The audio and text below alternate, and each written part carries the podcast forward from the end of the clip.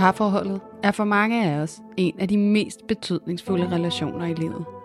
Men det er ikke altid nemt at få det til at fungere sådan, som vi ønsker det. Derfor er vi her, for at give dig alle de bedste værktøjer, vi kender, til at styrke dit parforhold og hjælpe dig til at opdage, at du ikke er alene med de udfordringer, som parforholdet kan byde på.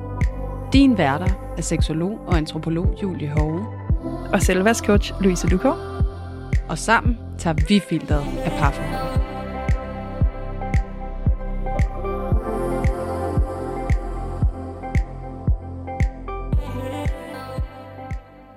Hej alle sammen, og hjerteligt velkommen her tilbage i Parforhold Uden Filter, og nærmere bestemt Mændenes Parforhold Uden Filter, fordi nu er vi faktisk tilbage med endnu en spændende mand her i studiet. Og øh, vi glæder os rigtig meget til at indspille den her episode, fordi vi faktisk også skal have et kig ind i sådan lidt en anden måde at være i parforhold på. Og øh, inden jeg lige introducerer lidt mere for, hvem det er, der sidder her, her i studiet sammen med os to, Louise, så vil jeg lige sige hej til dig. Mm, hej til dig, Julie. Hej. Og øh, som sagt, den her mand, han er lidt en anderledes mand end de mænd, vi har haft ind, indtil videre. Og det er han simpelthen på baggrund af, at øh, den her kære mand, han lever i et homoseksuelt parforhold. Og det er ingen anden end Mathias Bak, som sidder her sammen med os. Måske genkender I Mathias fra TikTok, hvor han laver alverdens sjove-videoer og deler ud af sig selv, og er ganske humoristisk, hvis jeg må tillade mig at sige det. Mm.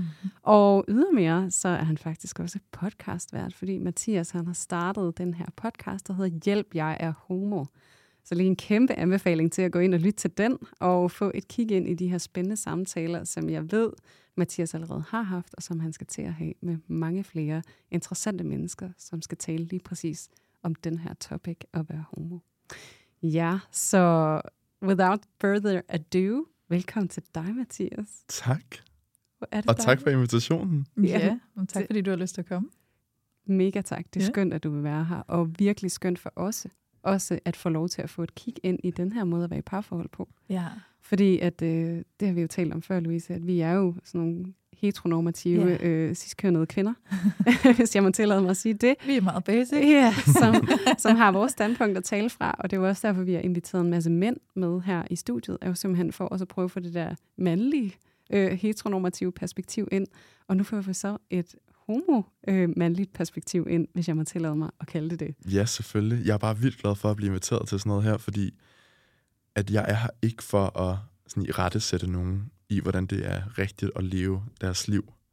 Øhm, men jeg håber på, at jeg kan, også kan komme til bordet med noget, øh, med, lidt med noget nyt, altså som ikke er i rettesættende, men mere af altså dialog. Jeg tror, det er dialog, som jeg savner, som ikke nødvendigvis behøver at være uddannelse fra person til person. Ja. Du ved, jeg her ikke for at oplyse jer. Jeg er her mere for bare at tale med jer om, hvordan jeg lever. ja. Præcis. Og det er jo lige præcis også det, vi inviterer til. Det er bare en samtale, og vi gør os nysgerrige på dig. Mm-hmm. Mm. Øhm, og så sidder der jo 100% nogen derude, som synes, det er helt vildt fedt at kunne lytte til dig og kunne spejle sig i det, du deler. Øhm, fordi vi ved jo, hvor betryggende det er, når man kan spejle sig og føle sig spejlet i noget, man selv går med, Mm-hmm. og kan høre, at andre måske også kender det eller har erfaring med det. Lige præcis. Men, øh, men inden det, Julie. Mm-hmm. Ja, så skal vi jo faktisk have vores øh, parforholdsstatus. Ja. Og øh, du slipper altså heller ikke i dag, Mathias. Og vi glæder os til at høre din. Men øh, det kunne vi faktisk godt tænke os at slutte af med, fordi at det kan være en åbning til mange af de spændende samtaler, vi skal til at have inden her i den næste time. Så nu kigger jeg på dig, Louise. Mm. Ja, vil Så du lægge min tur. Ja, og så må du lige give en parforholdsstatus. Og bare lige for at lave en disclaimer, Mm. så øh, er det jo faktisk det andet afsnit, vi indspiller i dag. ja. Øhm, så det kan være, at den minder lidt om den Mm. parforholdsstatus, vi lavede i det tidligere afsnit, men øh, det kan jo være, at der er nogle grene, som vi endnu ikke har hørt om, som du kan mm. dele med os nu. Snilt. Snilt. der kan nu ske meget på en uge, føler jeg. ja, så, øhm, så, så der er måske nogle af jer, der har lyttet til afsnittet i sidste uge, hvor jeg jo også deler parforholdsstatus øhm, for den uge, som jeg også kommer til at dele fra nu, fordi vi sidder her og optager to afsnit på en dag. Øhm, men jeg kan dele noget andet, der også øhm, har rørt sig i denne forgangene uge til i dag. Og det er, at øh, min kæreste, han har jo den her virksomhed, øh, Julemands Posthus, som lige har åbnet dørene i dag for sæsonen, øh, hvor man kan bestille et julemandsbrev til børn. Det er helt vildt cute. Mm. Og øh, der har været super meget pres på at få det til at øh, være klar til i dag, og altså sådan en ny hjemmeside, og de har virkelig sådan gjort en hel masse ved det i år. Så, så der har været simpelthen så meget arbejde, kæmpe arbejdsload for ham. Øhm, og i går, der havde vi den 31. oktober, det vil sige, det var Halloween. Og jeg var sådan i øh, Halloween-filmhygge humør. Så jeg var sådan, skal vi ikke se en gyser og spise nogle popcorn og sådan hygge os? Og han var sådan, nej, jeg skal arbejde. Og sådan, nå, okay. Um, og så går jeg sådan i sådan et drillehumør, hvor jeg sådan skriver helt vildt mange beskeder til ham på Messenger, selvom han sidder bare lige nede i den anden ende af stuen, ikke? um, og sender en masse gif, og sådan prøver at lokke ham, og sådan virkelig sådan, skal vi ikke nok se film, og sådan noget. Um, og han var bare sådan, nej, og så siger han til mig, jeg har blokeret dine notifikationer på Messenger nu. um, og jeg var sådan, nå okay. Og så... Um, og så, så rejser han sig og går ind til kontoret, for han kunne godt mærke, at jeg skal have fred, fordi hun er i drillehumør. Ja. Og øh, så siger jeg så til ham, øh, om, om han er i gang med at lave en Jesper Buch. det er lidt sådan en, en joke, vi har derhjemme, fordi Jesper Buch, han er jo iværksætter på sådan en måde, hvor at, øh, han taler for at arbejde 80 timer om ugen. Men vi ved også, øh, kvæg hans historie, at han jo så også har offret rigtig meget i sine relationer ved at arbejde på den måde. Øhm, og jeg siger det ikke af bogstavelig øh, årsag, men bare lige for at drille min kæreste lidt i. Sådan, åh, skulle du ikke også huske at være lidt sammen med mig og hygge med mig? Men den lander desværre bare et rigtig sårbart sted i min kæreste, hvor han overhovedet ikke synes, det var særlig sjovt.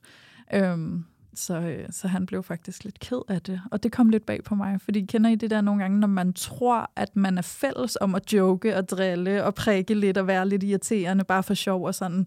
Og så lige pludselig, så falder hammeren, og så var det ikke sjovt alligevel. Og så var jeg sådan lidt overrasket over, nå, okay, undskyld, jeg troede faktisk, at vi begge to synes, det var sjovt det her, men det kan jeg godt se, du ikke synes nu. Mm. Øhm, og så, øh, så beklagede jeg og sagde undskyld, og så havde vi bare lige en rumtid i hver vores rum, hvor han arbejdede lidt, og jeg selv så min egen gyserfilm og spiste min egen popcorn. øhm, og så kom han ind til mig lidt senere på aftenen med et skævt smil på læben, og så var det bare okay igen. Mm. Ja, så, så ja, det, det var lige den, mm. jeg havde lyst til at dele. ja, jeg synes, den er meget sød, og sikkert ja. også meget relaterbar for mange, der sidder ja, derude. Altså, jeg skal da være den mig. første til at vedkende mig øh, uforbeholdt drill, som ja. øh, ikke lander det bedste sted. ja. Det er da nok sket en gang eller to. Ja. Man kan godt fejlvurdere lidt en gang imellem, ikke? Det kan man godt. Ja. Og igen, det handler om, hvordan vi reparerer. Det er jo det. Ikke at vi undgår, det sker. Præcis. Ja. Så, så det var herfra. Så Julie, nu får du lov for bolden. Ja, jeg føler mig totalt uforberedt. Ja. Jeg ved nærmest ikke, hvad jeg skal byde ind med. Jamen, det er måske også, fordi vi lige har delt vores parforholdsstatus i det tidligere afsnit i dag. Ja, det er det. Ja, ja og det er jo så delt i det forgangne afsnit det var jo det her med, at vi har været lidt i en rough patch, mm. og nu havde vi ligesom forsonet lidt igen og fået talt sammen, og det var dejligt mm. tryghedsskabende at vide, og endnu en gang erfare, at der, hvor der kan opstå afstand, der kommer som efterfølger også en nærhed igen. Øhm, og det er jo virkelig ganske rart at erfare fra gang til gang. Øhm, det, jeg kan dele, det er, at vi også er i en proces lige nu i forhold til, sådan, når man har en pakket hverdag, og det kan måske lyde ganske usekset, men det er det der med, hvornår skal man afsætte tid til intimitet. Ja. Øhm, som jeg også er helt sikker på, at rigtig mange derude kan genkende. Øhm, og både han er presset, og jeg er presset.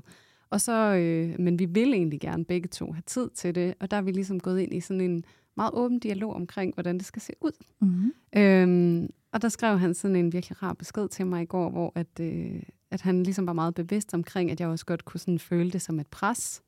At, åh oh nej, nu skal jeg også finde ud af, hvordan vi gør det her. Og så skrev han bare nogle rigtig fine ord, som jeg har lyst til at give videre til andre, der kan sidde i en lignende situation. Hvor han skrev, at øh, jeg er ikke ude på at presse dig til noget, men jeg er ude på at finde ud af, hvordan vi får lyst sammen. Mm. Og det vigtigste for mig er egentlig, at du melder til mig, når du har lyst til at få lyst. Du behøver ikke at have det.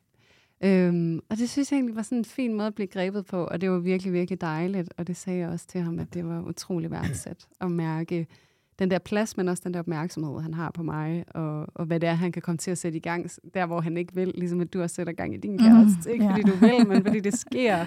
yeah. Og når jeg er presset og øh, render fra det ene møde til det andet, og har klienter en hel dag, og så også lige får den der, sådan, hvornår kan vi to ligge og have intimitet med hinanden? Yeah. Der kan jeg godt mærke sådan, uh, så Mm. Og så øh, at han lige selv melder, jeg har set dig, jeg ved godt, hvad det er, jeg kan komme til at poke med min anmodning. Mm. Så øh, bare lige vid, at, at det ikke er et pres, det er, ja. og vi er i det her sammen. Det er også nemmere at få lyst til at have lyst, hvis man føler, at der er plads til at få det i sit eget tempo. Ja, og man føler, man bliver set. Ja. Altså det der med, at det ikke bliver sådan en kritik af, at vi ikke er det, eller sådan en dyb længsel, jeg savner, og jeg lider, og det er hårdt, og jeg har brug for. Mm. Men det der med sådan en, lad os finde ud af det her sammen. Ja. Vi to, vi er på hold sammen, og der er noget her, som det er vigtigt, vi passer på sammen. Mm-hmm. Øhm, og han skrev sådan en sjov detalje, det har jeg lyst til at dele, fordi det siger også lidt om, hvem han er hvor han skrev, jeg ved godt, jeg kan komme til at give et pres nu, og jeg ved ikke, hvad der er. Lige nu kunne du forestille dig, at vi skal lægge nøgne sammen i to og en halv time, men bare så du ved det, så er vinterjakker i stuen altså også ganske udmærket for mig. Det handler egentlig bare om, at vi er sammen og sætter ja. tid af til at være intime og nærværende med hinanden på den måde, som det kan se ud. Nå, det er hyggeligt. Og det synes jeg var sødt, fordi det viste den der båndbredde i, yeah. hvordan det kunne se ud. Yeah. Øhm, og det, ja, det var værdifuldt yeah. for mig. Det lavede et virkelig godt sted. Så det, det har jeg taget lidt af forventningspresset. Det er det. Ja. Og det der med at se, at han kender mig så godt. Ja. Yeah. han ved godt, hvad min hjerne tænker, yeah. når han siger det. Og så, Præcis så vinterjakker i stuen. Det, det må vi se, hvad det kan.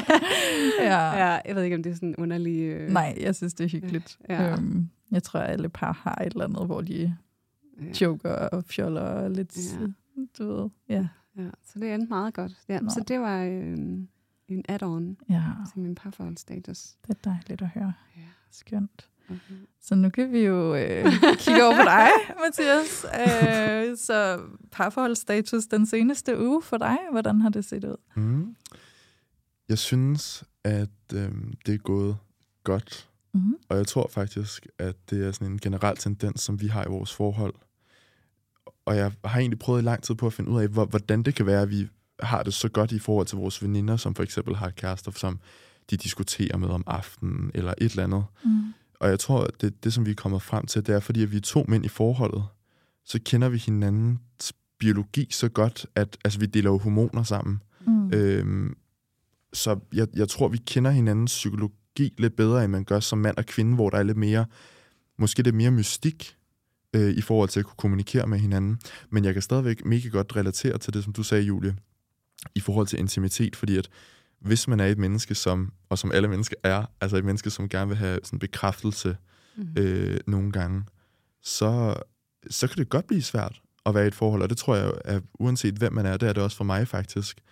Øhm, det der med at føle sig set, det, det er sådan det allervigtigste, mm. tror jeg for mig i hvert fald, ja. har jeg fundet ud af. Ja. Øhm, men vi har haft det godt, altså, og, og vi lever sådan et, vi lever også det er også fordi, vi lever et liv, hvor vi er meget struktureret begge to. Øh, jeg tror, vi begge to vi har været igennem sådan en barndom, hvor at, øh, der er nogle, en af vores forældre for eksempel, det deler vi, at øh, som er skrevet for vores barndom, eller sådan, min far er død øh, af kræft, mm. og, øh, og hans far har været hans mor utro øh, fra hans barndom. Øhm, så vi, vi har begge to prøvet at opleve, opleve et, øh, et tab af en forælder, mm. og det tror jeg har gjort, at vi begge to vi godt kunne, altså vi vil gerne have noget mere struktur i vores hverdag. Så vi lever bare to meget strukturerede liv, og hvis der er noget, som for eksempel kommer op spontant, så bliver det ikke nødvendigvis altid taget spor godt, fordi vi kan godt lide at have kontrollen over, hvad der sker begge to, mm. og lige at have kontrollen over, hvad der sker to uger ude i fremtiden. Mm. Det vil vi gerne have på plads så hurtigt som muligt. Mm. Øh, så vi, ja, vi lever godt og kontrolleret, lige indtil vi så ikke er i kontrol mere. Ja. Og det skal vi blive bedre til, tror jeg. Hvad sker der så, når I ikke har kontrol? Jamen, når vi ikke har kontrol, så bliver, jeg tror, vi begge to vi er typerne, der bliver irriteret mm. på det, der ikke er kontrol over. Ja. Og den eneste person, som vi kan lade den irritation gå ud over, det er jo den anden, mm. fordi vi bor sammen. ja. øh, så jeg tror egentlig, at det er det, som vi arbejder mest på, er at måske mere snakke om, hvad det er, vi er irriteret over, i stedet for at, imens vi snakker til hinanden, ikke øh, altså lade irritationen gå ud over den anden mm. person. Ja. Øh, men i stedet bare snakke om, hvad, hvorfor det er så irriterende. Uh-huh. Så vi deler irritationen ja. mere. Ja. Og gør problemet til problemet, og ikke den anden til problemet. Lige præcis. Ja. Lige præcis. Mm. Det er det. Som jeg tror er en relaterbar øvelse for alle, der sidder derude, ude, ja. uanset hvilket parforhold de er i. Så det der med at kunne kommunikere på en konstruktiv måde, også under pres. Ja, lige præcis. Ja, og jeg har lyst til at tilføje, Mathias, fordi det har du sagt, det er så okay, Øhm, og også for at vores lyttere sådan kan få en føling på dig, og hvor du er lige nu og her. Øhm, kunne du måske selv sætte lidt ord på, sådan, at også lige nu og her, det sted, du er i livet, er også et, et måske særligt presset sted? Ja, øhm, jeg har et fuldtidsjob ved siden af, øh, at jeg laver TikTok. Øhm, og så er jeg gået ned med stress. og det har jeg faktisk ikke sagt nogen steder. Okay. Øh, og jeg tror, at det er fordi, at øhm, fordi jeg laver det indhold, som jeg gør. Jeg har jo et arkiv med, med videoer, som folk forhåbentlig synes er sjove. Mm. Øh, og når jeg poster dem, så kan folk godt få et indtryk af, at jeg har lavet videoen på dagen, hvor jeg også lægger den op. Ja. Og det er ikke sandheden. Øhm, sandheden er, at jeg er gået ned med stress, øh, og nu får jeg faktisk hjælp for det hos psykolog og, og nu også psykiater. Øh, fordi at vi begge, altså mig og min psykolog, vi tror måske, der kan ligge noget bagvedliggende, mm. øhm, som kan komme fra min barndom, og fordi at jeg øh, sprang ud som homoseksuel i en ret sen alder, så tror jeg, at, jeg, at, så tror jeg, at det hele det er, det er lidt ligesom øh, brudt sammen. Præcis. Mm.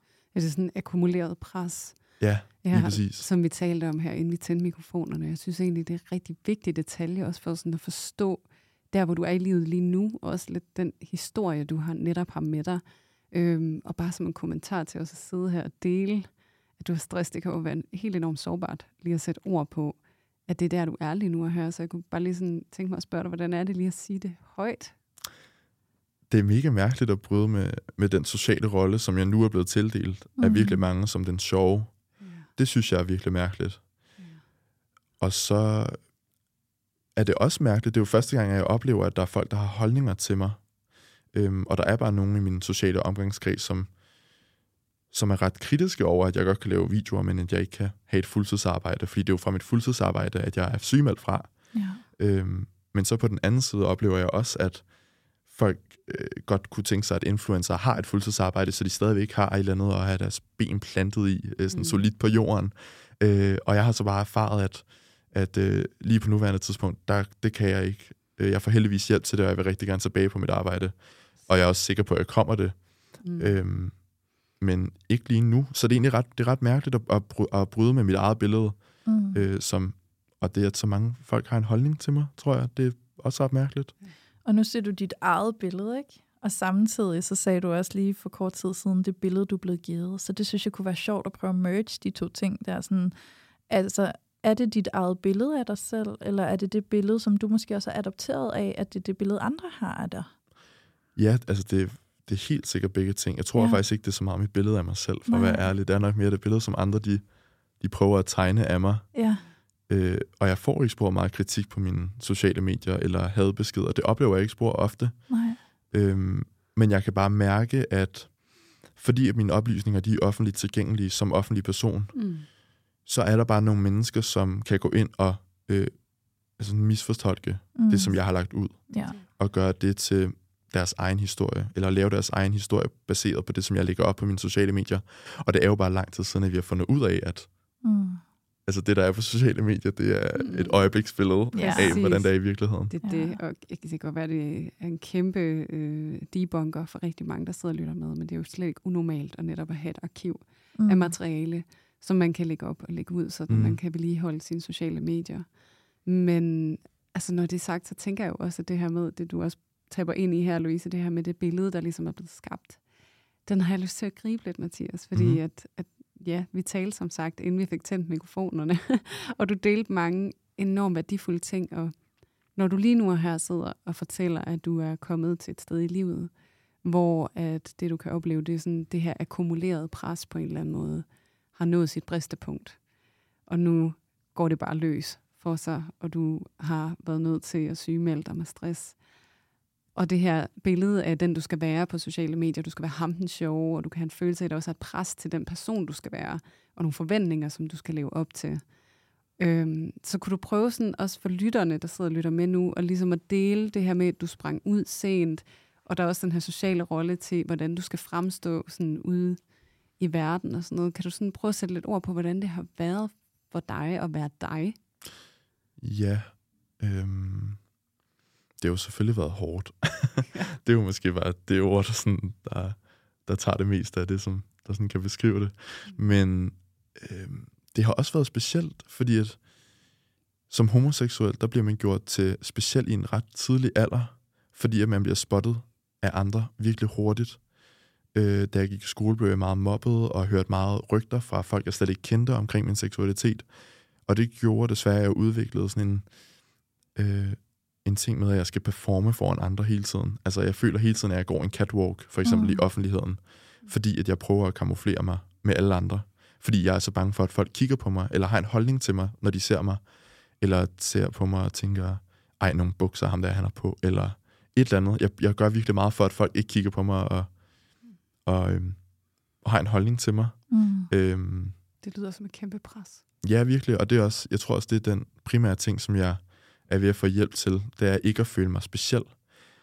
Jeg vil ikke sige, at det er sådan, altså gør en narcissistisk, men, men det gør jeg, og det, jeg har faktisk taget det fra en af mine egne episoder af min podcast, som jeg optog, optog i går, øh, og gæsten sagde faktisk det samme, at det har gjort ham til egocentreret. Mm. At jeg sådan tror, at, at verden er mod mig Mm. på en måde, Mm. og det skal jeg ud af nu, kan jeg mærke, Ja. Det for at jeg kan tage ud af min lejlighed, fordi det kan jeg ikke lide, for eksempel. Nej. Øhm, og så tror jeg bare, at op til at sprang ud som 19-årig, det er jo ret sent øh, og tidligt for nogle andre, at øh, mobning og sådan dagligdags situationer, som har været virkelig små, og som nogen fra min familie for eksempel ikke engang kan huske, har været sket, men som jeg kan huske, øh, de har været øh, sådan traumatiserende for mig. Øh, og jeg tror, der er mange homoseksuelle, som også sidder derude, som kan ikke genkende til, at hvis nu man har en familie, min familie er meget støttende. Det er Mm. meget vigtigt at sige. Altså, jeg elsker min familie, og de har virkelig hjulpet mig meget efter, at jeg er sprunget ud. Men da jeg var mindre, og vi for eksempel så fjernsyn sammen, eller et eller andet, så vildt med dans i fjernsynet, så var der bare nogle gange, hvor min familie for eksempel så på skærmen og var sådan, han opfører sig godt nok bøsset. Eller sådan nogle ting. Og det er sådan nogle oplevelser, som jeg tager med mig, og som jeg bare kan huske stjerneklart. Mm. Fordi at jeg, da jeg var otte år, også godt vidste, at jeg ville være til mænd, når jeg blev stor. Ja.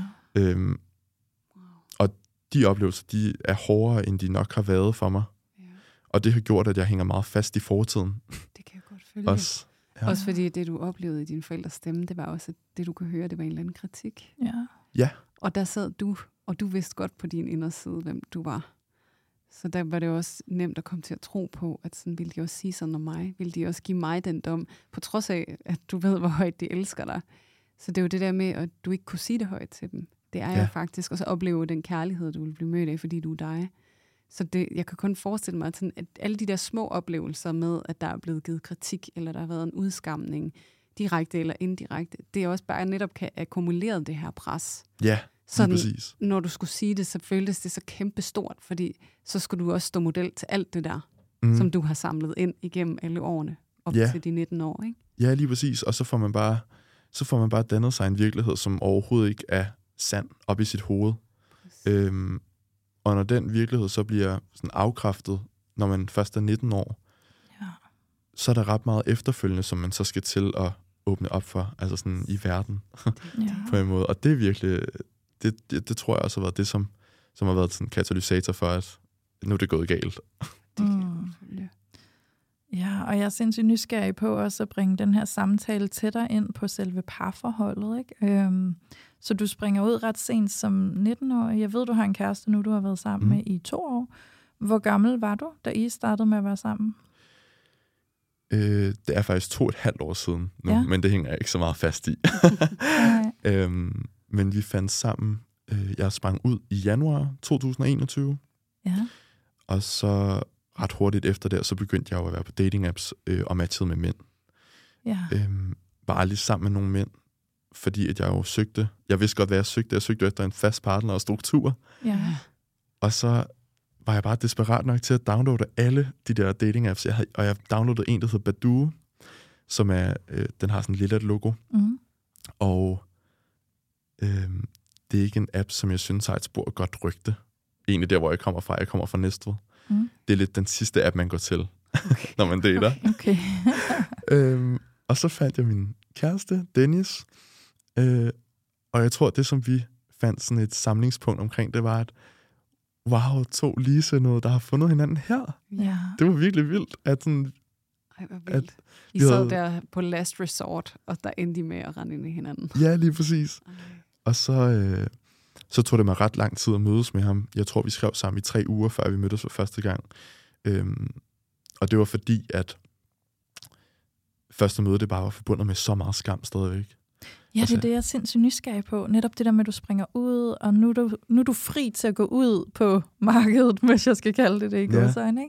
Og, og, og sådan lede efter en mage. Øhm, hele den oplevelse mm. med alt det, du har med dig, og den lange periode i dit liv, hvor du har holdt det her hemmeligt, og gået med det inde i dig selv, og haft en skam og en frygt, og så at springe ud, og så skulle gå ud og rent faktisk udleve det her liv.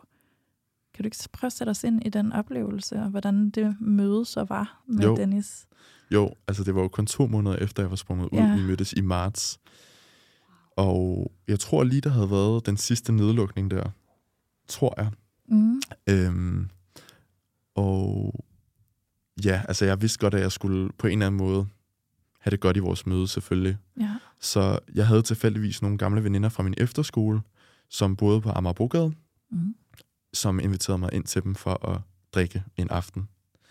Øhm, og min kæreste nu øh, boede sådan lidt længere ned ad gaden, så det ville være sådan en god mulighed for mig om sådan at tvinge mig selv til at mødes med ham. Mm. Og det gjorde jeg jo så sjovt nok, efter jeg havde drukket. Ja, okay. Ja. Øh, og det er jo, Altså, altså, det er jo forståeligt. Ja. Altså med alle de nerver, der må have været i Ja, spil. Ja, præcis. altså, alle de Ja. følelser. ja, og, og det var bare, som jeg sagde før, det, det var så, øh, det var så skamfuldt at skulle øh, på en måde bekræfte alle dem, som har sådan mobbet mig gennem min barndom, i mm. at de fik fandme ret i, at jeg var bøsse, Ja. og alle dem, der kaldte mig for klam homo og sådan noget. Mm. Det, det var sådan mest det, jeg tænkte på, at, og jeg kommer også til at tænke på, da vi så mødtes i hans lejlighed, at sådan, tænk hvis nu, at der var nogen, der så mig være her. Altså, det ville jo være det mest forfærdelige, hvis der var nogen, der vidste, at jeg sad her på en date med en mand. så, så ville du føle dig sådan afsløret, eller hvad? Ja, ja, på en måde, og, og klam, fordi det er ofte det, som man bare bliver mødt med, det er, at, at homoseksuelle bare er sådan nogle seksuelle rovdyr, der bare Mm. skal ud og have sex. Mm. det, det, Og det er sådan et helt forkert billede af det. Men det, som jeg sådan gjorde ved det, det var faktisk bare, at jeg sad i den anden ende af rummet Okay. under hele vores date, og vi snakkede bare sammen. Og Wow.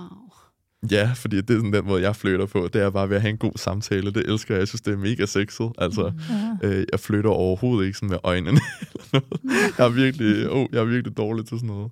Øh, men vi havde bare en vildt god snak og sådan noget, men, men det var helt vildt ukomfortabelt.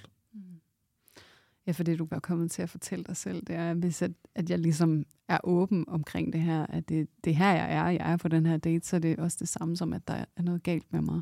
At Ja. er forkert. Ja, ja og, og, og jeg havde bare så gerne ville være på en date med en mand i så mange år. Mm. Så det var vildt mærkeligt også at være der. Det var ret antiklimatisk, fordi jeg jo troede, at det var det, jeg så gerne ville, og så sad jeg der bare og havde det mega nederen. Ja. Det, jeg tænker også, det lyder som om, der er mange modsatrettede følelser. Ikke? Både den der sådan, jeg glæder mig, jeg er spændt, jeg har ventet på det her i så mange år, og samtidig så kan jeg næsten ikke være i det, fordi jeg er så fyldt op med skam og alt muligt frygt. Ikke? Ja. Ja, det må også have været en underlig cocktail at stå i med alle de følelser. Ja, og det var det også. Og jeg kom også fra en venneflok i Næstved, hvor at... Øhm, altså, jeg har jo gjort virkelig meget i min barndom for at vise, at jeg ikke var homoseksuel. Mm. Og det har jo blandt andet været, at jeg har været sammen med mange kvinder, eller noget sådan igennem min ungdom. Mm. Øhm, og sådan, altså jeg siger sådan til folk, at jeg sådan lidt har voldtaget mig selv Ja. øh, i de relationer, fordi at jeg har ødelagt mit eget billede af, hvad sex er. Ja. så tidligt. Altså, øhm, jeg har været sammen med rigtig mange kvinder, faktisk. Øhm, og det gjorde jeg for at, for at jeg kunne undgå rygterne om, at jeg var homoseksuel. Og den, histor- den gode historie, som det ville være, når jeg havde været sammen med en kvinde, den ville i hvert fald holde i to ugers tid. Så der kunne være sådan to uger, hvor folk kunne gå og snakke omkring, hvem jeg havde været sammen med. Og det var ofte sådan populære piger, for eksempel. Ej. Ja. Øhm, det var virkelig selvforstærkende, Mathias, at her går du og er kommet til at tro på, at der er noget galt med dig, og du er forkert. Og så for ligesom at skubbe det væk fra dig, så bliver din strategi, og så gøre noget, der er totalt i den anden grøft. Og som er selvsaboterende. Og som er siger. selvsaboterende, Ja. og et eller andet sted selvskadende også. Ja. Altså, altså fordi der bekræfter du også, at du er forkert. Ja. Ikke fordi det er det, du vil gøre, men det er det, du kommer til. Så sådan, det er 19 år. Altså sådan, hvor du virkelig bare har skruet mere og mere op for en adfærd, der skulle hjælpe dig med at skjule, hvem du i virkeligheden er. Så du sådan kommer til at give dig selv en besked om, at, at du er forkert. ja, lige præcis. Ja, fordi det er du sådan kommer til at tro på. Det Ja. virkelig, Ja, og det gjorde jeg nemlig. wow. Og det er også fordi, at, at Næstved er ikke en vild stor by, så der kender man næsten alle. Mm. Og når man er bare er i uddannelsesforløb, det er også det, jeg siger til alle unge, når de skriver til mig på Instagram for eksempel, at de tror, at de er homoseksuelle eller et eller andet, og at de ikke ved, hvad de skal gøre, fordi de ved ikke, hvem de skal sige det til.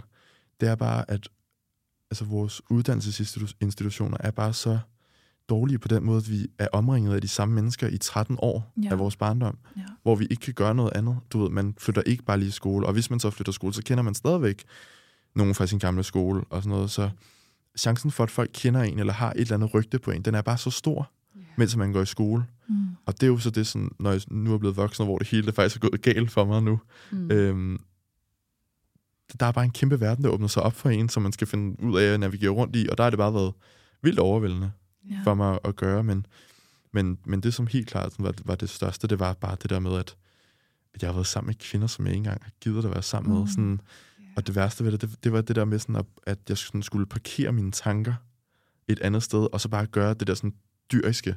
Mm. Ja, Eller- dissociere ja, det er fra din virkelig- egen... Øh, Ja, Ja, Ja. du Ja. skulle lukke dig selv ud af det, der Ja. skete Ja. på en eller anden måde. ja, lige ja, præcis. Og du gjorde det for at overleve, så du ikke blev udstødt socialt. Ja, lige præcis. Wow, for du var Mm. kommet til at fortælle dig selv, at det er det, der sker, hvis jeg står ved den, jeg er, fordi der er alle de her beskeder omkring mig om, at den, jeg er, er forkert at være. Ja, Og så det, du bare tænkte sådan, jeg skal bare gøre alt, hvad jeg kan, for at vise dem, at jeg ikke er det. ja, og så skulle gentage det, ikke? Altså som du Ja. siger, det kunne cirka holde to uger, når du havde været sammen med en kvinde, fordi så var det ligesom det, der havde opmærksomhed.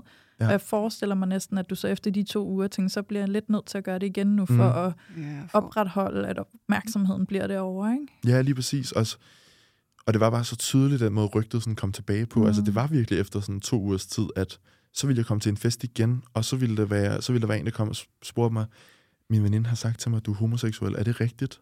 mm. Okay. Det er bare vildt ubehageligt, når jeg sådan prøver at, at bevare mit sådan maskuline Ja, øh, hetero-billede Ja, ja, ja, ja. ja. af mig selv. Så, og så, ja, Ej, så du Ja. har bare været på kronisk overarbejde Ja, Ja. at kuglegrave dig selv Ja. i 19 år. der. det synes jeg. Hvordan har det, altså jeg er også sindssygt nysgerrig på, sådan med hele den historik og alt det, du har haft med derfra, hvordan har det påvirket den relation, du har til Dennis nu? Ja, altså det overraskede mig jo meget, at jeg dog ikke havde ødelagt mit eget billede af sex så meget, at det ikke kunne være øh, Mm. fedt nu. Det er det jo heldigvis. Men det har også gjort det for mig, at øh, sådan kærlighed for mig, den bliver vist meget lidt i sex. Altså, Ja. jeg viser min kærlighed meget mere i ord. Altså at sige, jeg elsker dig, eller du ved... Øhm, Det er jo også svært, når det, du har lært om sex, det er, at du skal dissociere for at kunne være i det. Mm. ja, Det er det, du har lært dig selv, fra du havde din seksuelle debut. ja, Og så til nu, hvor du så er i et forhold med en, du rent faktisk elsker, og som du Ja. rigtig gerne vil være tæt på. Men sådan hele dit nervesystem har vendet sig til, at du skal tjekke ud, når det her sker. yes, lige Så præcis. du skal til at Mm. fuldstændig omkalibrere Ja, ja. hele den oplevelse og hele dit system. Og det er jo et stort stykke arbejde. Mm. Ja. Ja, jeg er jo ikke igennem det endnu. Altså. Nej, det er det. Wow, hvordan er det lige at være der og få øje på det, at der er noget? Mm, jeg synes, at det er svært, men altså, jeg elsker ham jo så meget, at det ikke er et problem for mig længere. Mm. Altså, det, det, det der med sådan at dissociere, Ja. det er ikke et problem for mig mere, faktisk. Det er mest... Øhm, jeg tror sgu bare ikke, at mit... Altså, man, man har jo tit set nogle dokumentarer på DR, for eksempel med øh, folk, der sugardater, Mm. som også sådan fortæller om, at deres billede af sex er blevet en lille smule... Altså, øh, det, det, det er blevet dårligt. Altså, Mm. det er blevet slidt. Ja, Sexen er blevet slidt, altså... Ja. Øh, og det tror jeg desværre også lidt, at det er blevet for mig. Mm. Men, jeg har, men det har jeg det fint nok med, egentlig. Og, og det har så gjort, at, at sådan et snak og ord for mig, og have en diskussion, det er sådan min måde at, at være sådan romantiske sammen på. Jeg synes, det, bliver, det synes jeg bare er mega, Ja. mega sexet. ja, det der med at være i kontakt, og man kan sige, det er jo en, adgang, du altid har haft til kærlighed. Altså sådan, at du kunne bruge dine ord, og den Mm. måde kunne du connecte med folk på, hvor din seksualitet har været sådan ambivalent for dig. Mm-hmm. Fordi der kunne du ikke være fri til at være dig i den, sådan, men i dit ord på en eller anden måde, Mm. der kunne du måske bedre, selvom at der er nogle dele af dig selv, du ikke kunne tale om. Ja, ja. Ja. Og det er heller ikke... Øhm, øh, jeg har heller aldrig nogensinde haft problemer med at have sex, så det er jo, det er jo, det er jo noget, som jeg virkelig er glad for. Altså, Ja. fordi det kunne det jo snilt have været, ja. og det er det heldigvis ikke. Altså, Nej. Og jeg synes faktisk, det er vigtigt, at du sætter lys lige præcis på den her oplevelse, Mathias, fordi at det er meget genkendeligt, tror jeg, for rigtig mange. Altså også uden at man nødvendigvis har, hvad kan man sige, forrådt sin egen seksualitet. Det er måske hårdt at sige, jeg håber, Mhm. det er okay, ikke? som jo er årsagen til, sådan, at du landede her, hvor du kan mærke, at jeg, jeg skal på en eller anden måde lære at tjekke ind i det seksuelle følelsesmæssigt. Og heldigvis har du Dennis, som på mange måder gør det trygt for dig Ja, at lave den ja. overgang, og det er jo virkelig skønt at høre. Men jeg tror, uanset hvad, altså jeg kan også relatere til det, og det ved vores lytter også, som har lyttet med i lang tid, at jeg jo har været selverklæret aseksuel, fordi jeg havde forvrænget forhold til seksualitet, Okay. fordi jeg havde dissocieret. Og derfor synes jeg netop, at den historie er vigtig, fordi at man ikke sådan nødvendigvis skal sætte det i bås med, at det er fordi, du havde en anden seksualitet, men at det er faktisk en meget naturlig, menneskelig måde at håndtere et ubehag på. Mm. Jeg skal være på det, i det her på en måde, hvor jeg ikke må have mig selv med. Så derfor så tjekker jeg ligesom ud. Og så Ja. er jeg bare biologi og dyr. Og det er bare vildt ubehageligt, fordi det er som om, jeg ikke må være med, som den jeg er. Ja, lige præcis. Og det er en meget menneskelig oplevelse. mm. Ja, så derfor er jeg glad for, at du egentlig sætter ord på det. Ja, altså det er, jo, det er bare så vigtigt, fordi at, at sex er ikke, altså det er bare ikke det, som man ser alle steder. Og det er virkelig, det er virkelig problematisk, at vi bliver ved med at, altså at finde os i, at, at altså i film, at man giver os et billede af, hvordan sex er. At man sådan Mm. alle steder, altså bare med ens veninder også, du ved, som måske kommer og fortæller en, sådan, vi har bare det fedeste sexliv og sådan noget. Altså, altså for det første fedt for jer, men hvad betyder det? Altså, Mm. Altså, er, hvis nu er du, hun- der er en, der kommer til mig og siger sådan, jeg har mega meget sex, eller et eller andet. Hvor meget er det? Altså, hvor meget er det for dig? Er det, altså, er det en gang om ugen? Eller er det en gang om måneden? Eller, Det, altså, altså, ja, det der med, at det er en meget subjektiv størrelse, som bliver gjort kollektiv hele tiden, ja, uden at vi stiller spørgsmålstegn ved det i særlig høj grad. ja, og det synes jeg er problematisk, fordi at det, tager, det er nok faktisk måske et af mine største problemer i et forhold nu. Det er sådan, jeg går hele tiden og tænker på, er vi gode nok seksuelt? Altså sådan, Mm. er, sådan præsterer vi godt nok til, at vi ville kunne gå ud i byen og være sådan, altså sige, at vi har et godt sexliv. Og, altså, det ved jeg godt, at vi kan, men Men, men altså, sex, altså, et seksuelt forhold er bare ikke det samme for alle. Nej. Og det synes jeg ofte desværre, man møder som homoseksuel, at når man siger, at man, altså hvis nu jeg for, for eksempel vil gå ud og sige til nogle af mine venner, sådan, at øhm, det vil jeg aldrig gøre, men hvis nu jeg vil gå ud og sige, at jeg har haft sex, eller mm. et eller andet, så vil folk sådan instinktivt tænke, når du har haft analsex, du har haft en pik op i dig, Mm. Det er det, som folk instinktivt tænker om homoseksuel sex. Mm-hmm. Det, er- det er meget, meget, meget problematisk, at homoseksuel sex, det netop kun bliver set som det dyriske, som penetrationssex, Mm. Øhm, fordi det er det faktisk, for mit vedkommende, det første gang. Ja. Og det tror jeg også, det er for mange. Mm. At sådan, det behøver ikke at være. Altså det behøver ikke hele tiden at være vildt sex. Altså, Nej, så den der misrepræsentation, der er af, hvordan sexlivet skal se ud, kan du også mærke sådan, i dit forhold, kan efterlade dig et sted, hvor du også kommer til at sammenligne. Og et eller andet sted også lande et sted, hvor du kan blive i tvivl. Sådan, er vi gode nok? Gør vi det godt nok? Er vi rigtige nok? ja, Ja. ja, lige præcis. Og som jo også sikkert er genkendeligt for mange, der også sidder og lytter med, den der usikkerhed, det kan væk. Og så er jeg nysgerrig på, sådan, for nu er det ligesom her, samtalen er kommet hen til det seksuelle. Det har tydeligvis betydet helt enormt meget. Og forhåbentlig kan I også høre, at det er meget naturligt, og det sker for mange af os på mange måder.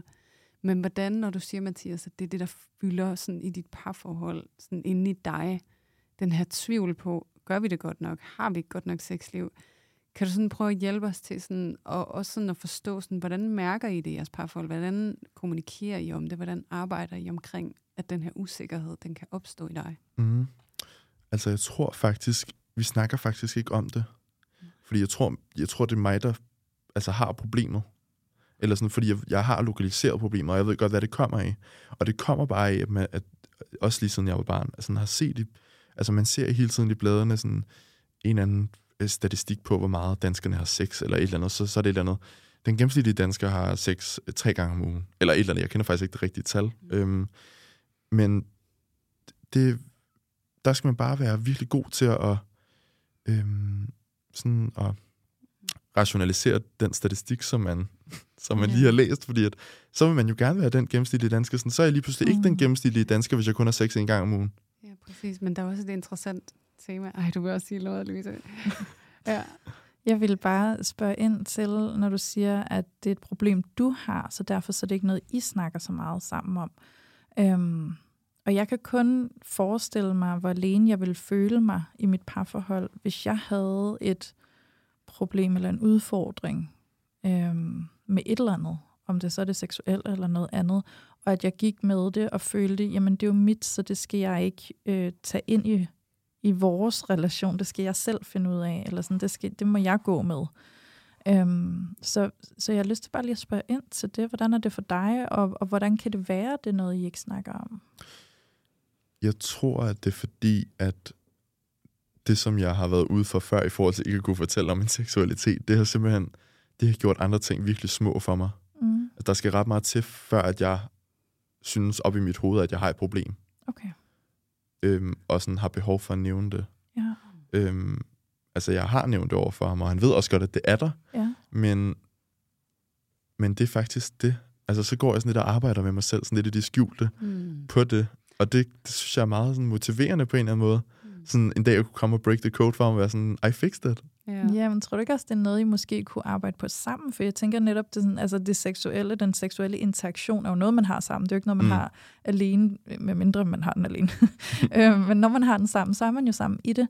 Og der tænker jeg da helt sikkert også, at der kan være noget, der kan støtte dig, eller udvikle dig, eller hjælpe dig i din egen personlige udvikling med det. At han at I kan snakke om, hvordan han også kan være i det med dig, og Mm. hvordan I måske kan interagere på en ny måde, eller på en anderledes måde, der måske hjælper den udvikling, du går og har med dig selv.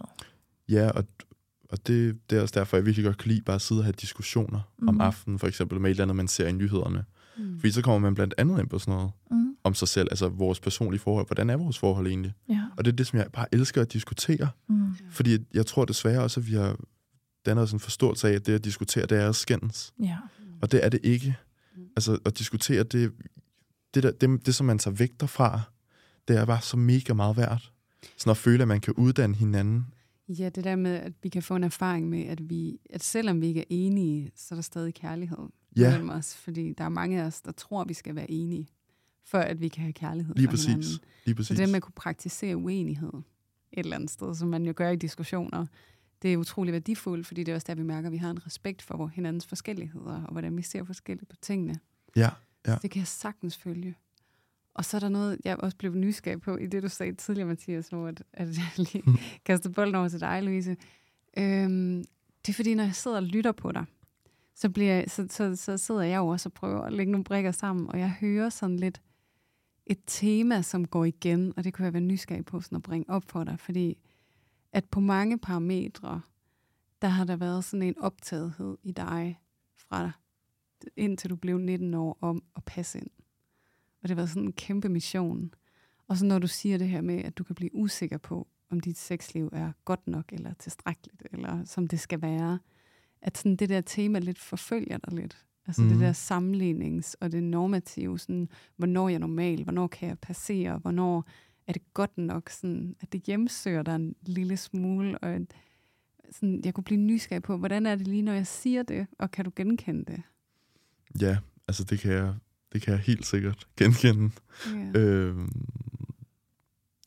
Det er jo et pres hele tiden at skulle... ja, jeg tror faktisk, at folk på min alder, øh, ej, det er jo ikke for at sige, de gamle. Og hvor gammel er du overhovedet? Jeg er det kan du lige 22. fortælle Jeg er lytterne. 22 år. Ja, 22, ja. ja. Øh, men vi er bare vokset op med at blive fortalt, sådan, at man ikke skal stole på det, der står i medierne, eller ikke, stole, ej, ikke, ikke stole på det, der står i medierne, men, men være kritisk over for det, der står mm. i Mhm. medierne. Og det, som man bliver bildt ind på sociale medier, det synes jeg, at vi er blevet virkelig gode i min aldersgruppe til at blive, altså til at, at være opmærksomme på. Jeg synes til gengæld, at der er virkelig mange voksne, som har travlt med at fortælle os, at vi skal passe på at gøre det, men sådan, vi, er, altså, vi, vi ved det godt, at, at det, der står i medierne, de ikke er korrekt, men det betyder ikke, at det ikke kommer, at det ikke kommer til at have indflydelse på os. Men, men, men det er stadigvæk noget, som vi så skal arbejde på, fordi vi kommer stadigvæk til at sammenligne os med hinanden. Præcis. Øhm, Og hvad gør du lige der, hvor du kan mærke, sådan, nu sammenligner jeg mig, fordi også sådan med tanke tilbage til, at du landede et sted nu og her i dit liv, hvor et presset det ligesom også er blevet for stort, og det flyder over. Og en del af det pres er jo også hele tiden den der konstante følelse af, at jeg skal sådan, jeg skal være god nok, jeg skal gøre det godt nok, jeg skal være øh, passe ind, jeg skal øh, gøre det rigtigt på en eller anden måde. Øhm, og det er jo sådan en, det er jo sådan en tilbagevendende tanke. Sådan, er jeg god nok? Er det godt nok, det jeg gør? Som er sådan, sådan en kronisk usikkerhed ja, som altid ligger og lurer, og som prøver at give dig alle mulige beskeder, som skal hylde dig ud af den. Ikke? Så jeg kunne blive nysgerrig på, og jeg ved slet ikke, hvor du er i processen, Mathias. Øhm, men hvad stiller du op med den der usikkerhed, der ligger af gode grunde, og ulmer sådan lidt i undergrunden hele tiden? Hvad, hvad gør du for ligesom at... ja, altså, nu får jeg jo heldigvis hjælp, professionel hjælp med psykolog. Og altså, jeg har altid sagt til min familie, sådan, nu skal jeg nok starte til psykolog, og det har jeg aldrig gjort. Det er først nu, hvor jeg har fået det tilbudt, at jeg gør det, og nu er jeg jo så bare kommet af den overbevisning, at det burde være lovpligtigt Mm. for alle at gå i terapi, altså på den ene eller den anden måde. Mm. Øhm, fordi det, det hjælper en. Altså min psykologs stemme sidder i mit hoved nogle gange, i, speci- altså i meget specifikke situationer, og det synes jeg er virkelig rart. Mm. Og have sådan en følgesvend med på en eller anden måde, øh, når man går ud i en situation, hvor man ved, at man kommer til at få det svært. Ja. Øhm, men mit hoved er sgu også bare vildt. Altså det, det er også fordi, det som jeg sagde tidligere med, at man er blevet gjort meget speciel, Mm. når man er lille som homoseksuel, på grund af en seksualitet, så, så tror man sgu bare, at der er meget, der drejer sig om en selv. Og, og det, Mm. det, det, det har virkelig øh, fucket meget op med min hjerne. Altså, Det kan jeg godt følge. fordi at jeg går og... All eyes on me. Ja, og, og jeg har sådan nogle, jeg har sådan en obsession med nostalgi, for eksempel. Øhm, som, som jeg ikke rigtig kan komme væk fra. Jeg ved ikke hvorfor, men der er bare så meget. Altså, Prøv at hjælpe os, når du siger sådan en obsession med nostalgi, du ikke kan komme væk fra. Sådan, Jamen for eksempel gamle sange, eller øh, en MGP-optræden, eller et eller andet, som jeg sådan kan huske tilbage på at være sådan, fuck, hvor var det dejligt Ja. at, at huske det minde, og, men hvor var det også nederen for mig at være der. Og det er fordi, at jeg hele tiden, fordi alle mine traumer ligger bare i min barndom. mm. Altså, og det er også derfor, jeg, sådan, jeg håber ikke, jeg skal gå så mange flere i møde på den samme måde, men, men der har bare været, der har været så mange ting, der har, der har indflydelse på mig, og som sådan pipler frem hele tiden op i min hjerne, så jeg slet ikke kan fokusere, Mm. har øh, kort hukommelse, og altså, øh, ja, ja, Ja. Og så den usikkerhed kan også godt overmande en. Altså når Ja. det er sådan ens hjerne, den også arbejder med en. Ikke? Altså sådan, fordi så dukker der nye tanker op hele tiden. ja, præcis. Og hvis dit udgangspunkt er sådan en grundfølelse af, at jeg er lidt af verdens navle, så det er som om det hele det falder tilbage på dig. Ja, lige præcis. Og sådan, at det bliver et pres hele tiden at skulle møde op hele tiden. Og være på og være god nok og være rigtig, som du skal være Ja. i alle mulige kontekster. Ja, og, og øhm, det er jo bare ikke fedt hver dag, at jeg skulle lægge sjove videoer ud på sociale medier. Men fordi at det er det, som jeg har sat mig op til, så er realiteten desværre også bare, at hvis nu jeg ville lægge en video ud en dag, hvor jeg var sådan personlig, så ville der faktisk ikke være spor mange, der ville altså, se den. Jeg har prøvet det før. Ja. Det er det der med at lave en Øhm, persona, ikke? Og man kan jo. sige, det, er- altså, fordi du også sprang ud så sent, og du har arbejdet så hårdt på at være en anden, end den du var. Så det er jo virkelig også det der med, at, at så har man jo bygget en persona, og det er jo lidt sådan, sådan jeg får lyst til at sige sådan et alter ego, Ja, som man selv, som en selv kæmper imod. Sådan, og Ja, det lige der med, præcis. at, at der har ikke været plads til Mathias, som du i virkeligheden var. Så det er næsten retraumatiserende. ja og jeg tror mig, faktisk... hvis jeg tager fejl, men at, at der ikke er plads til dig igen, det er sådan, det kan kaste dig tilbage, forestiller jeg mig. I Ja. den der følelse af, at der ikke er plads til dig, som du er, men at det er den der persona, som er den, som folk gerne vil se, som også kan give pres. Ja, præcis. Og, og det var også sjovt, fordi nu har jeg jo bare bygget videre på min person. Nu så sprang jeg endelig ud. Så gik jeg i gang med at lave TikTok og skabe en ny Mm. pers- sådan persona til mig. Præcis. Øh, det er jo men jeg-. Men jeg tænker, at din podcast nu, Hjælp jer homo, altså der får jeg en klar fornemmelse af, at der kommer Mathias meget mere i spil. Ikke? Altså, så jeg jo. tænker, at det er en positiv drejning, det tager, fordi at du begynder at gøre plads til dig selv, og nu har du åbnet et nyt format, en anden kanal, hvor du kan gøre det, fordi du ikke har oplevelsen af, at der er plads til det, eller at det kan passe ind i de andre, hvor du allerede har fået skabt en karakter, du spiller. Men at nu har du et sted, hvor du kan få lov at være dig, som du reelt set er. Og det tænker jeg også kommer til at være enormt helende for dig, at du lige der kan få lov til virkelig bare at være dig. helt vildt. Det, det, er, det er virkelig rart også at få lov til at være seriøs. Ja, Og bare være, ja, altså mig. ja. Og få lov til at snakke om det, som altid har ligget mig mest nært. Mm. Hele tiden. Mm. Fordi jeg synes jo ofte, som jeg også sagde før, vi, vi begyndte at optage, at, at jeg får desværre stadigvæk ofte indtryk af, at folk de er trætte af at snakke om min seksualitet, altså homoseksualitet bare som generelt. Mm. Ikke, ikke, ikke nødvendigvis som mig selv, men, øhm, Mm. men hvis nu at jeg for eksempel er til en fest, og at øhm, diskussionsemnet er på LGBT eller et eller andet, så kan jeg hurtigt mærke, at der er folk, som begynder at stemple ud, Mm. øh, fordi de ikke magter at snakke om det. Øhm, og det er også fint nok, at de ikke har lyst til at snakke om det, men, øh, men det betyder bare ikke, at det ikke er, altså, det ikke er et problem for andre. Nej. Altså de problemer, som man som minoritetsperson øh, oplever hver dag, det er bare, at samfundet er bare ikke skabt til en. og, sådan, og man lægger øre til øh, sådan diskrimination på den ene eller den anden måde i løbet af hver dag, når man er ude i offentligheden. Mm. Og det er blandt andet også derfor, jeg rigtig godt kan lide at arbejde derhjemme, fordi at så, kommer, så eksponerer jeg i hvert fald ikke mig selv for de her typer oplevelser. Mm. Øhm, fordi det, det, det sker bare hele tiden, at man får et tilråb yeah. som er det bøsse. noget, som, altså, der er Dennis eksempelvis, og jeres parforholdsrelation. Hvordan er den påvirket af den diskrimination, som I eller du oplever? Ja, altså, jeg er jo klart den er, som, øh, som har et reaktionsmønster, som mest er, er aggressivt eller sådan øh, mm. irriteret. Ja. Øh, men det, som vi har øh, aftalt med hinanden, da vi kom sammen, det var, at vi holder ikke øh, hinanden i hånden i offentligheden. Mm. Eller kysser. Det, det, er sådan, det, det gør vi bare ikke, fordi vi har ikke lyst til at ind i den der situation, hvor folk de står og kigger på os. Og det kan man bare mærke, mm. at når det sker, at folk de gør.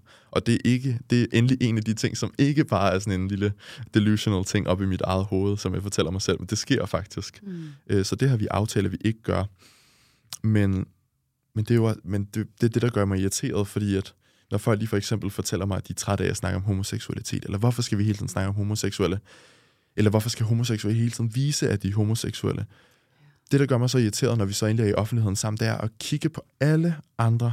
Altså, heteroseksuelle gør jo præcis det, som de siger, homoseksuelle skal lade være med at gøre. Mm. Viser, at de heteroseksuelle kysser holder i hånd i offentligheden. Øhm, altså, ja, de der ting. Altså, det, er jo, det er noget, som vi alle sammen burde have lov til at gøre, men som bare ikke, det er bare mm. ikke sådan socialt accepteret. Nej, og jeg tror heldigvis, at det er også noget, der ændrer sig stille og roligt. Mm. I hvert fald lige her, hvor vi er. Fordi at, at jeg medgiver også, at vi er vokset op med kultur og medier og film og alt muligt, hvor der har været alle mulige sådan små homofobiske cues hele tiden, som har programmeret os til, at det her det er forkert. Så hvis du ser det, så er det forkert. Og jeg kan kun begynde at forestille mig, Mathias, du har sådan helt liv gået og prøvet at passere for at være heteroseksuel og normal, og så endelig så springer du ud, og det er vildt angstprovokerende, fordi at så skal du også stille dig på mål for at være forkert, for det er det, du kommer til at fortælle dig selv, at du er. Og så lige der, der er nogen, der kommer og siger, at du må ikke tale om det. Og du har bare lagt låg på i 19 år.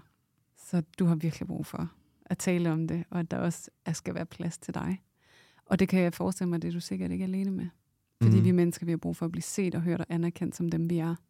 Yeah. For at vi kan mærke, at vi har en social berettigelse. Og vi er sociale dyr, så vi er livsafhængige af en social berettigelse. Præcis. Så når folk kommer og siger, at det skal du ikke tale om, så rammer det noget dybt og forståeligt også, at det kan være en form for aggression.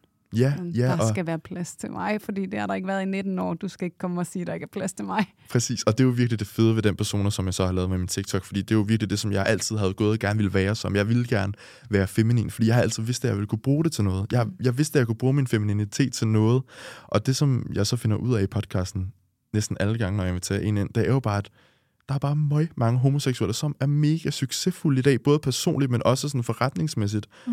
Og det er bare så vigtigt at sætte fokus på, fordi at altså, de statistikker, som der er med, at øh, halvdelen af alle LGBT-personer har haft selvmordstanker, mm. det er sådan, det er halvdelen af mm. hele sådan, ja. LGBT-gruppen, og øhm, 9 ud af 10 børn har oplevet at, at øh, blive mødt med homofobi i skolen, og halvdelen af alle LGBT-elever i grundskolen har øh, lavet selvskade. Mm. Altså, det er virkelig sådan vilde tal, og, ja. og det sker, fordi at at voksne måske, der sidder derude, og måske også nogle af dem, der lytter til den her podcast, mit, mit vigtigste budskab, det er bare, at du, man må virkelig ikke sidde med en tanke om, når man får børn, at mit barn bliver i hvert fald ikke homoseksuel, fordi at sådan kommer jeg bare, det kommer jeg bare til at sørge for, at de ikke bliver.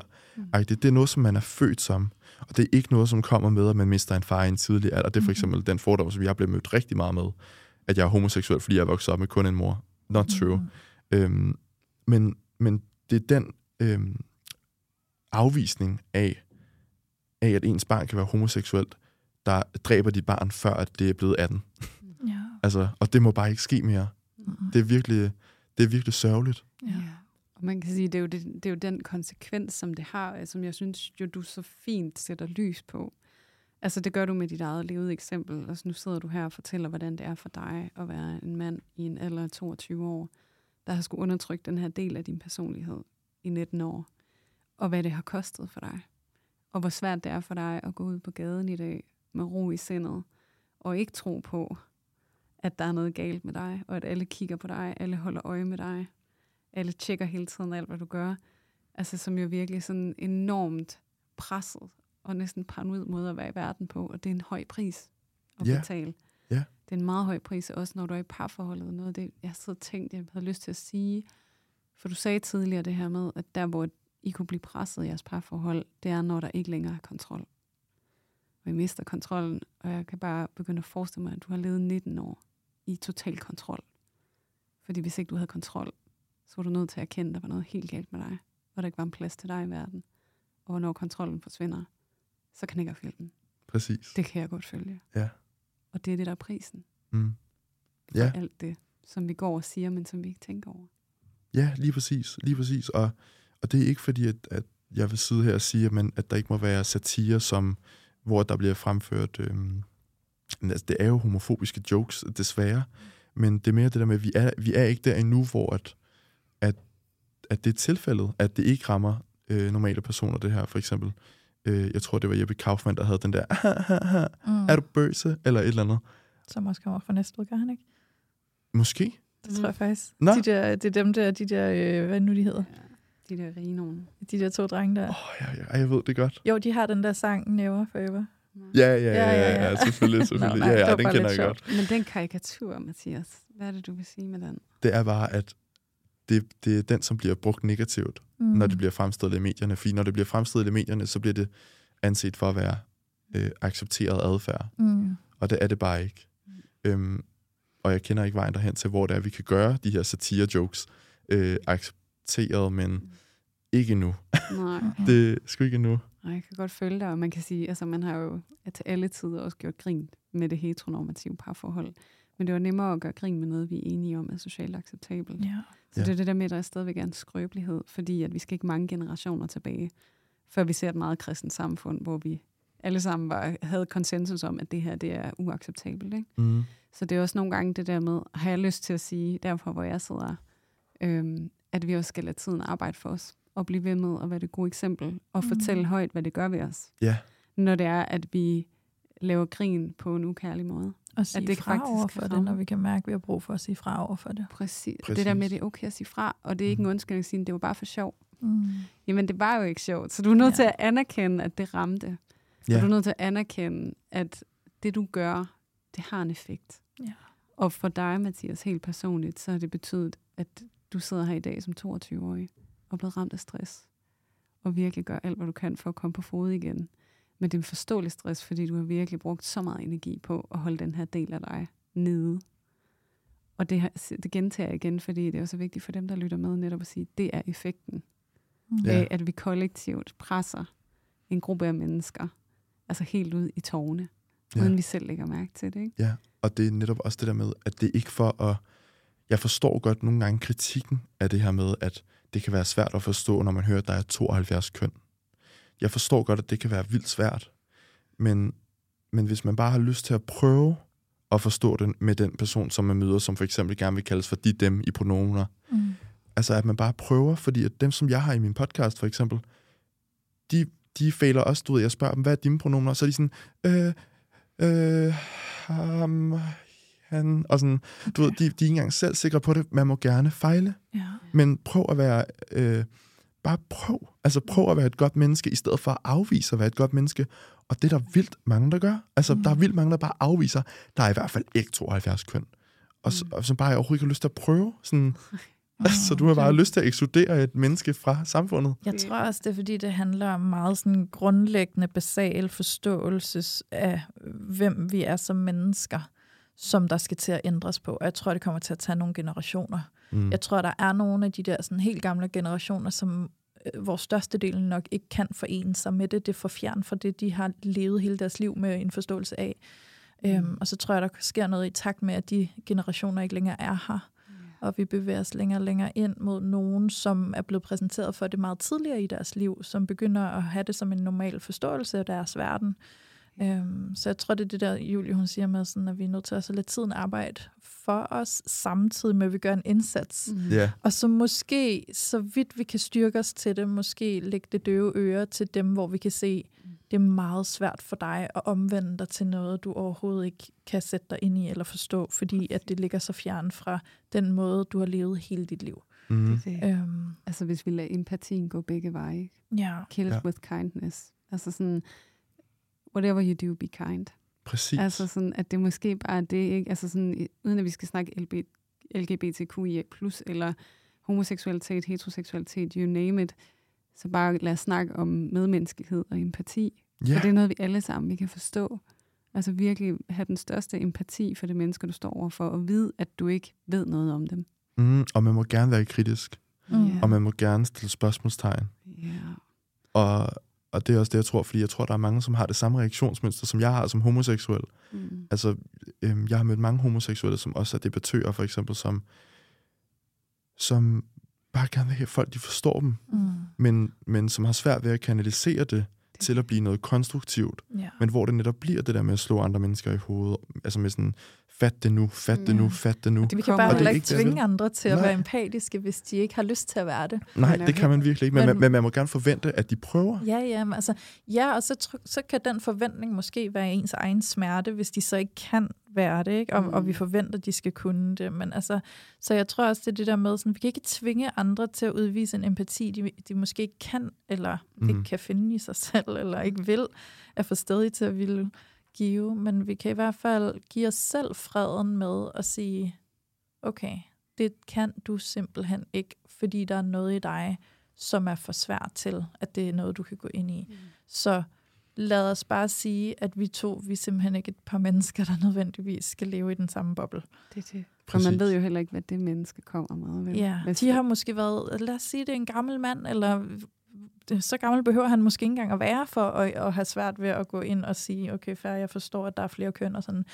Men han kan jo have haft en barndom, hvor han er blevet tævet og udskældt for ikke at være mandlig nok. Han kan jo have øh, levet i en, en verden, hvor at det virkelig, altså hvor det har været decideret ulovligt at være homoseksuel, hvor man virkelig har kigget på det, som om det er mennesker, der ikke er noget værd. Så hvis det hele hans opdragelse, opvækst, der kommer med der, og nu står han i en, i en mere moderne verden, hvor det begynder at være noget, vi forholder os til, som noget, der er helt okay og lovligt, og vi må gøre det og alt muligt, og så hele hans Nervesystem. nervesystem siger, nej, nej, nej, det her det er forkert, det er skamfuldt, jeg, altså, jeg har set det med mine egne øjne, ikke? Altså sådan, så også at have empatien for sådan, færre du ikke kan forstå det, men så holder jeg op med at forholde mig til dig, hvis du ikke kan acceptere mig for, hvem jeg er i den her verden. Præcis. Og så finde sin egen fred ind i det, sådan, så man netop ikke ender med at sidde i smerte over at være så frustreret over, hvorfor kan jeg ikke få dig til at forstå det her, ikke? Ja, ja. Ja, Ja, for det er også ukærligt over for en selv. ja, At blive ved med at holde fast i og vil overbevise nogen. ja. Og så, Ja. og så, og så det kan godt lyder lidt spøjst, ikke? Mm. Men så bare vente på, at den generation, der ikke kan følge med udviklingen, at de på et eller andet tidspunkt ikke er her længere. Og så er der heldigvis nogle andre, som er blevet født mere ind i, i det nye. Ikke? Ja, men også Ja. Have tillid. Jeg plejer at sige sådan, du skal ikke hive i en blomst for at få den til at vokse. Nej.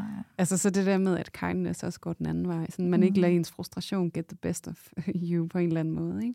Mm. Altså fordi så bliver man jo selv ukærlig. Der hvor man står og søger forståelse og kærlighed, så ender man med selv at blive en tyran. ja, lige præcis. Det er også derfor, det er så vigtigt at skabe et rum, hvor at, at det er dialog, Ja. og hvor folk, altså.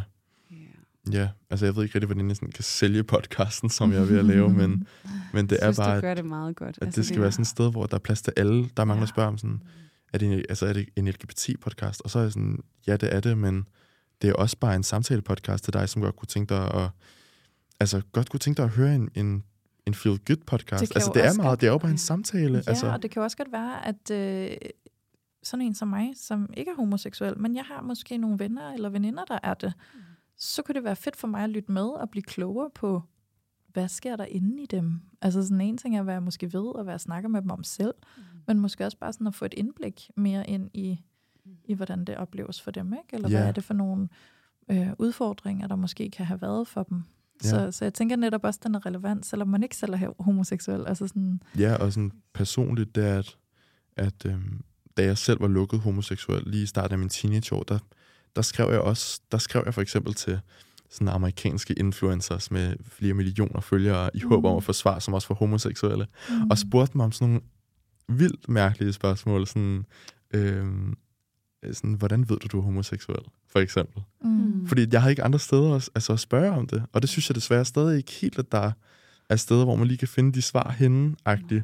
Men det var bare så mærkeligt, at jeg skrev til så kendte mennesker, i, og troede, jeg ville få svar fra Mm. dem. Agtigt. Mm. Det er jo et udtryk for desperationen. Ja, og jeg vidste, at de ikke kunne track mig. Altså, sådan, jeg vidste, de, de, ville, de Ja. kendte ikke nogen af mine venner. De ville ikke kunne Ja. sige til nogen af mine venner, Det- Mathias han har lige skrevet til mig, at han er Mm. homoseksuel. Ej, det er også Øh, så svært at stå lige der. Ja, lige Så præcis. Og Så jeg så håber, hemmelig. jeg håber bare virkelig, det kan hjælpe sådan unge Ja. og børn til at, øhm, Mm. til at, altså at have en platform, hvor de kan føle sig trygge, ja. og så måske sådan ultimativt inspirere dem til at, og, øhm, at springe ud. ja. Ja. Ja. Det er en mega, mega fin mission. Der er en madras, de kan lande på, når de Ja. springer ud. Ja. ja. ja. Så du laver en madras, Mathias, fordi det havde du så også selv brug for. Ja, det håber jeg i hvert fald at kunne være. Mm. Ja, og så er du så glad for at diskutere og finde stor kærlighed i det. Ja, Så jeg kan kun forestille mig, at også det, det er det, din podcast den ligesom inviterer til, at netop det der med at så finde kærligheden i forskelligheden. Sådan, kan vi holde af hinanden, selvom vi ikke mener det samme? præcis. Som jeg også har lyst til at, lade falde tilbage på det, vi talte om her før. Altså det der med, at kan vi have medfølelse, kærlighed og nysgerrighed for hinanden, selvom vi ikke er enige. Så kommer vi langt. Fordi hvis vi står netop og rykker i hinanden, for at sige, du skal synes det samme som mig, eller du skal respektere det, jeg synes, så, vi, så kommer vi ikke ret langt. Nej, lige præcis. Og, øhm, og, jeg, og man ved jo også godt, at der er mange heteroseksuelle, som godt kunne tænke sig at lære mere om, Mm. om, om homoseksuelle, især om sex er meget sådan populært, ikke også? Ja. Øhm, men også bare om, du ved, hvorfor er homoseksuelle feminine? Eller hvorfor er Mm. nogen homoseksuelle feminine? Er man feminin som homoseksuel med vilje? Er man homoseksuel med vilje? Er det en livsstil, som der er nogen, der fortæller mig, at det er sådan, når folk spørger, siger, at det er min livsstil, sådan, jeg er ikke, altså man kan vælge at blive veganer, men man kan simpelthen ikke vælge at blive homoseksuel. Så Mm. Du ved, nogle af de der spørgsmål, som bare kunne være rart for folk også at kunne få noget, noget afklaring på, fordi jeg tror også, det er derfor, at der er mange, som føler sig meget provokeret af homoseksuelle, for eksempel. Mm. Det der med, at, at der er nogen, der faktisk tror, at, homosek- at nogle homoseksuelle er feminine for at provokere, eller for at fremtvinge, frem- fremtvinge følelser i folk. Ja. Øh, og det er bare ikke tilfældet. Det er Nej. bare sådan, man er. Men jeg vil sige, hvis man har det perspektiv, så er det også noget i ens egen personlighed, der gør, at man er meget krænkelsesparat. Hvis man tror, at netop at hele verden er ude på at krænke en, så er det jo også det, man vil gå og kigge efter. Ja, og det afspejler måske også ens egen usikkerhed omkring seksualitet. Det Især det. for mænd. Altså, det, fordi det, er, jo, det er jo mest dem, der bliver provokeret Ja. af det her. Altså, og, og, Det det, og det må være fordi, at der at, at også, og det er jo sådan en helt anden snak, at maskuliniteten simpelthen er for giftig. Altså til, at man, at man overhovedet kan kigge på, øh, kigge på andre mænd, der er feminine, fordi det måske er noget, som de selv har fået lov til at være. Præcis. Der kan være sådan meget snævert maskulinitetsideal, som kan gøre, at man ikke føler, at der er ret meget plads. Og Lige man heller ikke føler, at andre skal have ret meget plads. Men igen, tit og ofte så kommer det fra et lille og såret sted, og ikke fra et ondt og malevolent sted, fordi at det ved vi også kvæg statistik, de færreste mennesker er faktisk onde. Mm. Øh, men mennesker vil gerne samarbejde. Ja, Vi vil gerne forstå, og vi vil gerne selv blive forstået, og når vi ikke gør det, så er det fordi, vi ikke er kommet tydeligt nok igennem. Ja. Så også hvis I møder modstand derude, sådan, også i forhold til, særligt til den her topic, sådan act kind, altså be kind, always be kind, ikke? Ja. Øhm, fordi så tror jeg, at vi kommer et godt stykke længere. Mm. ja Ja. lige præcis. Ja. Øhm, ja. Ja. Jeg synes, altså, jeg får sådan en kommentar. Jeg fik en kommentar i går. Flere kommentarer. den første, den, den hed øh, Bøsserøv, og Wow. den anden, den hed Venlig Stø, og den tredje, den hed øh, Klammefede Homo, sådan er alle homoseksuelle. Øhm, og det var alle, altså alle tre kommentarer skrevet af mænd. Mm. Ja. Og det er jo bare, altså, og jeg, det, det tager bare ikke lang tid sådan at se, at det er, fordi vi stadigvæk desværre har et samfund, hvor at mænd ikke får lov til at udleve deres feminine side, men hvor at vi føder dem ind i et samfund, hvor at, de, at mænd bare skal være maskuline. Jeg tror Fordi fordi de- faktisk, det er femininitet generelt, Mathias. Fordi alle de gange, jeg har været på tv, så får jeg beskeder fra mænd, hvor de siger, at jeg er en klam luder, og jeg skal Okay. dø, og de har set mig i fjernsynet. Så det er både kvinder altså, og Du har modtaget beskeder fra kvinder? Nej, jeg har, mødt fra, jeg har fået fra mænd. Men Okay. altså, fordi jeg er kvinde jo. Ja, ja altså, og så det må er, jeg jo ikke stå frem og vise, uden at jeg er en luder og billig og alt muligt, hvad jeg har fået ukømsord. Og jeg tror egentlig, det er generelt sådan en udskamning af det feminine. wow, det er virkelig også, altså det er jo virkelig Det er forfærdeligt. Mange, altså, jamen, det er der jo mange kvinder, også kvindelige politikere og sådan noget, som oplever at få de der altså, hadebeskeder og trusler og sådan noget. Og det får mænd slet ikke i samme grad, som kvinder gør. nej, og det er Så jeg bare, tror egentlig, måske også sådan et generelt billede af, sådan, jeg ved godt, det er et tidsspor, og vi skal også til at runde af, men mm, mm, Men det der med, altså jeg tror igen, sådan, vi vil altid møde had på en eller anden måde. Sådan, og, og vi kan ikke i særlig høj grad vælge, om vi skal få den eller ej, men vi kan vælge, hvad vi stiller op med den. præcis. Og hvad er vores modsvar til den. Og vi sidder her og prøver at tale om, om rummelighed og dele sårbart ud af os selv og vise, det må vi godt, selvom at der er nogen, der kan skrive sådan til os. Sådan, vi insisterer på at have vores plads. Og så har vi medfølelse for dem, der synes, vi ikke må have den. Præcis. Fordi det må være et udtryk for, at der ikke er plads til dem heller. Mm. De kan ikke rumme, at, at vi også skal have en. Så det der med, sådan, har jeg bare lyst til at sige, altså, at jeg tror, det er vigtigt at vente på den måde. Altså, det er meget af det, vi kan gøre, det er, at vi kan vælge, hvad vi stiller op med det ind i os selv. Ja. Fordi at vi er magtesløse over for, hvad andre skal mene om os. Også hvis man går med en kronisk usikkerhed, så kan man ligesom du gør, tage hånd om den. Og få en hånd, og få noget hjælp. Komme ind i en kærlig relation, ligesom du er med Dennis. Og lære, at der er plads til dig, som du er. Og der er åbenhed og kærlighed. Sådan, vi kan surround ourselves Ja, with love. og det er virkelig det vigtigste. Ja, det tror jeg virkelig, det er. Helt vildt. Ja. Og vi er nødt til at runde af, fordi Ja, tiden er bare flot afsted. Det er den virkelig. Tak Men for, der at jeg måtte også være meget med. på hjerte, og det er jo derfor, det er fantastisk, at du nu har Hjælp, jeg er homo podcasten. Mm.